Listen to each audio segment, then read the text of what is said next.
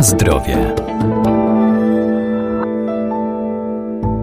Artykuły spożywcze, które kupujemy, są w odpowiedni sposób oznakowane. To dla nas cenne źródło informacji, dlatego należy je czytać. Muszą się tam znaleźć takie dane jak warunki przechowywania, terminy ważności i przydatności, gramatura czy też cena. To również wykaz składników użytych do produkcji wyrobu, a także wartości odżywcze danego produktu.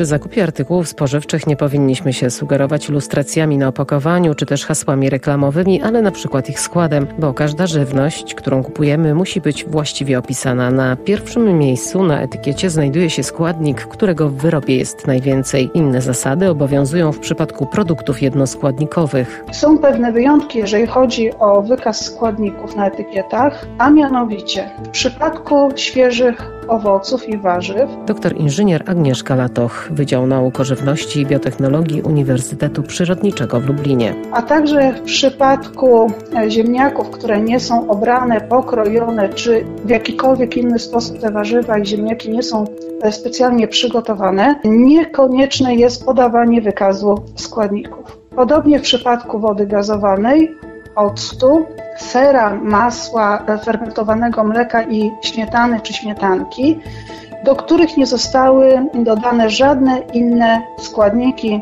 e, oprócz tych głównych składników, które stanowią ten produkt, ewentualnie enzymów czy kultur drobnoustrojów, które są niezbędne do wytworzenia tych właśnie produktów. Podobnie w przypadku środków spożywczych, które zawierają jeden składnik i nazwa tego środka spożywczego jest identyczna z nazwą składnika, również przedsiębiorca nie musi podawać wykazu e, składników. Wydaje się, że mm, inną bardzo ważną kwestią związaną z etykietowaniem E, produktów spożywczych jest między innymi oznakowanie też ilościowe składników. Tak jak wspomniałam, nie ma takiej potrzeby, aby przedsiębiorca prost wpisał na etykiecie, ile jakiego składnika będzie danej żywności. Natomiast jeżeli w nazwie tego produktu spożywczego pojawia nam się mm, nazwa jakiegoś środka spożywczego, jakiegoś składnika, to wówczas przedsiębiorca ma obowiązek podania, ile tego składnika jest. Czyli jeżeli mamy na przykład śledzie z suszonymi pomidorami w oleju, to przedsiębiorca musi na etykiecie napisać, ile jest śledzi, ile jest tych suszonych pomidorów, a jaką część stanowi sam olej. Na zdrowie.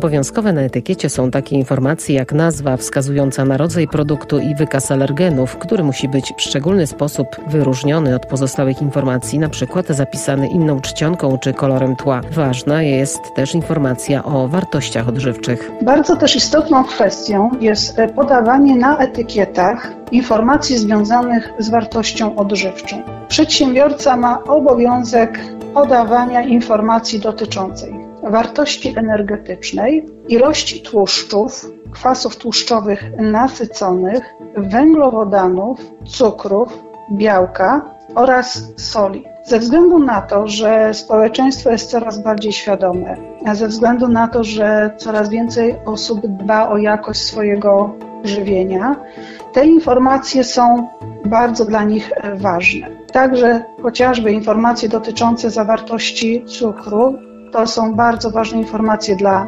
diabetyków, dlatego e, bardzo dobrze, że od 2014 roku jest obowiązek podawania właśnie wartości odżywczej produktu.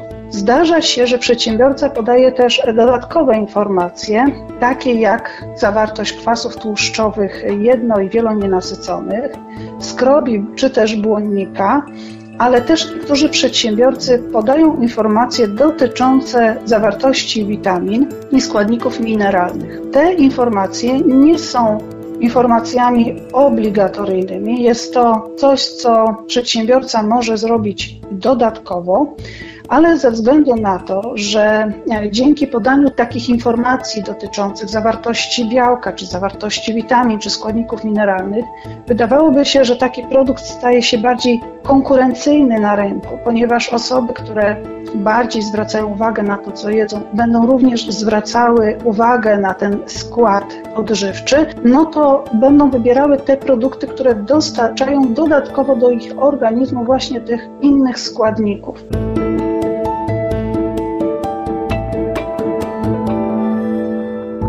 A jeżeli żywność okaże się nieświeża lub niezgodna z tym, co deklarował na opakowaniu producent, zawsze przysługuje nam prawo do reklamacji. Składamy ją u sprzedawcy.